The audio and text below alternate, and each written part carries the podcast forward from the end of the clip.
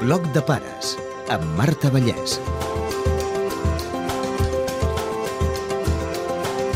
Avui parlem de les pors infantils i de com aconseguir superar-les amb la neuropsicòloga Cati García Nonell del Centre de Neuropsicologia Infantil del Maresme. No tinc por.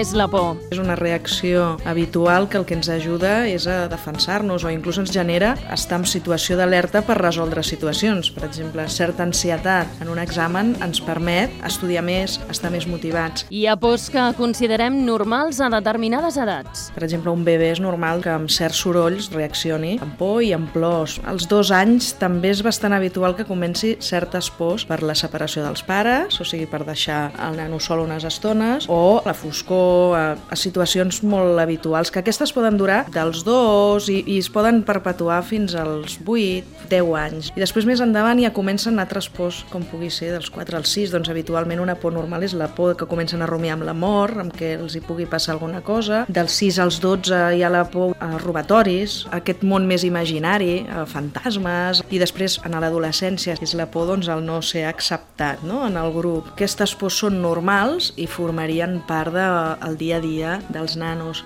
I quan es converteix en un problema? El tema està en quan aquesta ansietat normal transgredeix uns límits, no? i aleshores el que passa és que és molt intensa i davant d'un estímul que pot ser inofensiu, la persona es bloqueja i és quan es generen les pors. I és com una percepció d'un perill incoherent. Com els podem ajudar a superar les pors? Tractar-ho d'una forma normal. Ser empàtics i acompanyar-lo en aquesta por sense tampoc arribar a un excés de protecció. Això també és important la manera de reaccionar que té l'adult condiciona i fa que aquest nen ho visqui d'una manera més natural i pugui treure l'importància o per contra doncs, pensar, ostres, estarà passant alguna estrany perquè mira l'adult, que és una mica el meu referent, m'està demostrant certa angoixa, doncs vol dir que sí que ets d'estar ansiós. No? És important com abordem la situació i la millor manera és amb normalitat i sapiguem que són etapes i que passen. I el que mai no hem de fer? Donar connotacions del tipus ets un exagerat, no? per què tens por això? No, home, no, si no ho veus que el teu germà això no té por, no? O a vegades fins i tot atribuir, no, és que ell sempre ha sigut un nen que és un peruc. Ni utilitzar tampoc la por per forçar un comportament correcte dels nens, allò que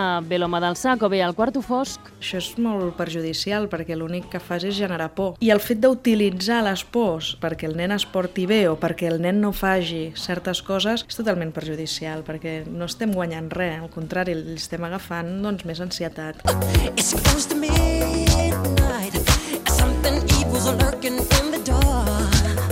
Hem de tenir també compte amb les pel·lícules que veuen. Sobretot amb l'edat o amb el tipus de personalitat que tingui el nen, perquè hi ha nen que és molt més sensible i el pot afectar molt més. I això que sigui una cosa recurrent i que ell hi rumiï en altres moments i que en situacions d'estar sol o de rumiar-hi doncs, que ell es bloquegi. Si és una por incontrolable, podem consultar un professional quan està interferint el dia a dia del nen i de la família, no? És dir, quan aquesta por és excessiva, quan causa un malestar en l'entorn, quan dura un temps llarg, sis mesos o més, amb una por doncs, consistent, i a més a més el que també és important és que apareguin habitació de situacions. Quan el nen deixa de fer certes coses per por, aquí és on hem d'incidir-hi i on hem d'estar-hi alerta. Posem alguns exemples. Una de les pors més comuns, sobretot en edats de més petits, la por a la separació separació, com si diguéssim, no? l'abandó entre cometes, a que no el vinguin a buscar, o tenir la sensació de em deixaran anar aquí i em quedaré sol, no? por a estar sol. Això és habitual, i és habitual a certa edat i a vegades pot generar problemes. Una de les recomanacions que habitualment donem als pares és que li puguem donar confiança, que siguem molt estructurats, sobretot a l'hora d'anar-lo a buscar, que no arribin tard a buscar el nano, que no hi hagin situacions que ell potser no tingui la situació controlada. És important. Problemes també per menjar. Por a ofegar-me quan menjo i això es converteix en que no vull menjar res a no ser que sigui líquid, que el nen tingui por a ofegar-se i això generi que millor no vulgui dinar, que no vulgui menjar certs aliments que siguin més sòlids. No? La por a les tempestes. Tenim nens que és habitual que estiguin excessivament preocupats per la previsió del temps, per si plourà o no plourà o per si estarà que està núvol, doncs a vegades me n'haig d'anar a casa, m'haig de tancar a casa. En Xavier ens parla de la seva por als petards. Algunes vegades surto corrents perquè no els puc suportar. Em tanco el lavabo per no sentir-los. Amb els globus, el mateix. Quan veig un globo, surto corrents perquè penso que se'm petarà en qualsevol moment. Conducta de fugida. De fet, l'ansietat se'ns desperta, és una cosa molt primitiva que el que ens permet és, davant d'un perill, fugir. El tema està en què l'hem d'ajudar a que no fugi. Potser un dia intentem apropar-lo en algun lloc on puguem tirar un petard i que ell li estiguem donant un suport perquè es pugui estar allà una estona. No? Ha de veure que l'ansietat es dispara, però tal qual es dispara arriba un moment que si ens quedem allà parats, després va disminuint. I una altra por que és força comuna, la foscor, com explica aquesta mare. Jaume de ben petit necessitava sempre un llum a l'hora d'anar a dormir, perquè si no, no podia dormir. És com si se sentís sol o no li agradava dormir a les fosques. No sé si és pel canvi dels pares separats, crec que és una mica de por a la foscor. A casa també no se sent res, no hi ha sorolls i el canvi d'una casa a l'altra jo crec que és més la por a la foscor. És fosc, és hora d'anar a dormir. M'hauré de ficar dins del llit. Cada vespre, neguits i por. Això em passava quan era xic.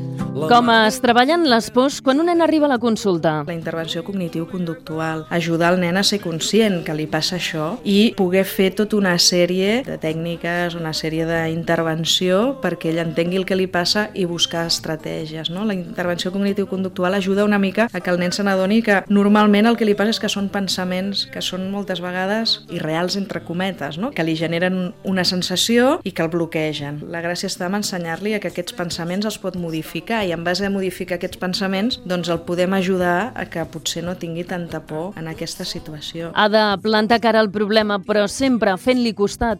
Enfrontar-lo en la situació. Però quan diem enfrontar-lo no és enfrontar-lo. Deixa-la a la foscor i, i ni t'hi apropis, no? Sinó que fer un treball progressiu, potser tenir cert acompanyament al principi. No és bo ni que el retirem absolutament d'enfrontar-se en aquella por, ni que el deixem allà que s'enfronti ell sol, no? Per tant, hem de trobar un terme mig. I havent-li donat unes estratègies, unes eines, hem d'esbrinar també quins pensaments negatius està tenint que el porten a, a tenir aquesta por. I també amb tècniques de simulació. Si són fòbies a tormentes, a petards, el que també fem és fer una simulació, és dir, posar soroll de tormenta o posar soroll de petards i des d'aquí el despatx, tranquil·lament, poder-lo ajudar a que faci tot un desplegament d'eines com pugui ser doncs, una relaxació o treure aquests pensaments més alternatius. De vegades, amb la teràpia no n'hi ha prou. No hem d'oblidar que aquesta por neix en el nostre cervell i a vegades sí que és una por patològica i hi ha una sèrie de circuits cerebrals que s'ha vist doncs, que estan alterats i la intervenció farmacològica cal tenir-la en compte. És dir, que quan un nano té una por que potser és excessivament exagerada i a pesar d'haver iniciat un tractament cognitiu-conductual no hi ha hagut cap millora, sí que és important doncs, remetre el nen a un especialista perquè llavors hem de recórrer al tractament farmacològic que la veritat és que amb els nens que hi ha resposta funciona molt bé.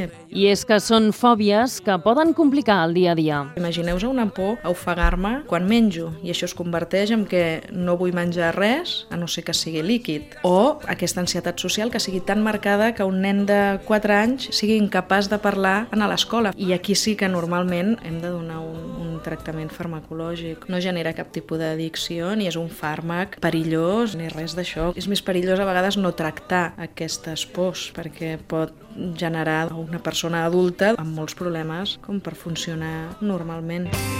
Si tienes miedo,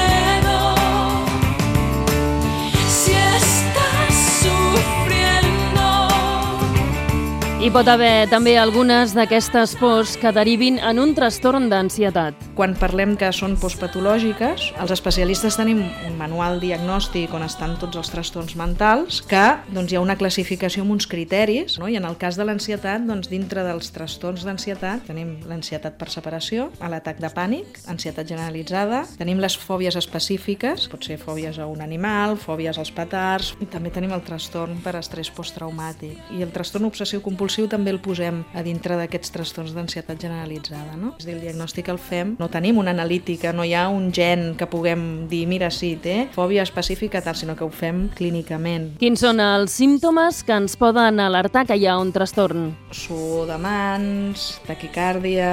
A vegades hi ha alteracions del son, canvis d'humor, irritabilitat, plorar, fer rabietes... També símptomes més psíquics com preocupació, nerviosisme, sensació d'estar incòmode amb qualsevol situació, l'evitació de la situació, evidentment, no? els corrents vol evitar aquella situació com sigui. La inatenció també és habitual, no? I després una cosa que no la tenim en compte és també la inseguretat, no? La, donar voltes a les coses o tenir por a pifiar-la. I una altra cosa que també és molt important és els rituals o manies. Tenir les coses d'una determinada manera que s'accentuïn aquestes manies. I hi ha casos força increïbles. Tenia una nena petiteta, eh, que haig d'anar a fer pipí, haig d'anar a fer pipí, i la seva màxima obsessió durant un temps determinat per manifestar aquesta ansietat era cada hora anava al bany. Primer van pensar, aviam, millor la nena té una infecció d'orina, van anar al pediatre, es va descartar, no, no. Juntament amb això van aparèixer doncs, picors, la nena dormia malament a la nit, també li van fer mil proves d'al·lèrgies, i resulta que era ansietat. Era una nena amb unes altes capacitats, que estava a l'escola, que tenia la sensació que allà no encaixava, que tampoc encaixava massa a casa, i, bueno, i,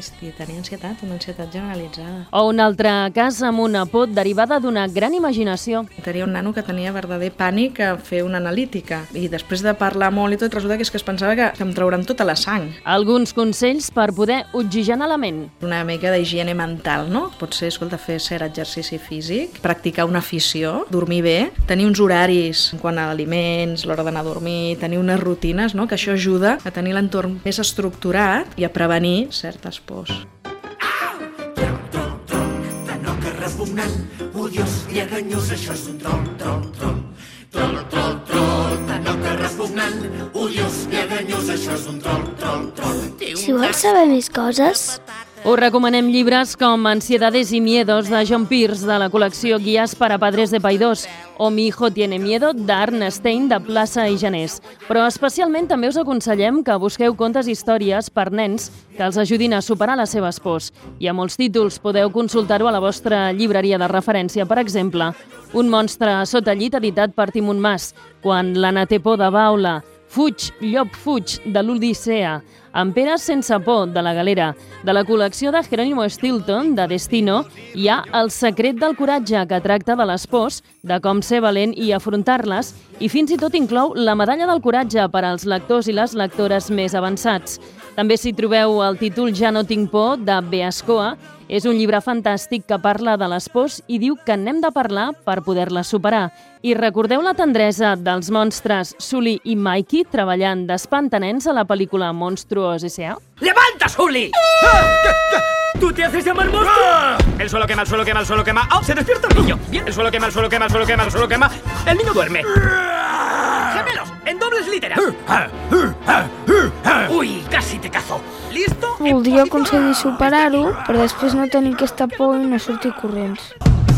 No tinc por,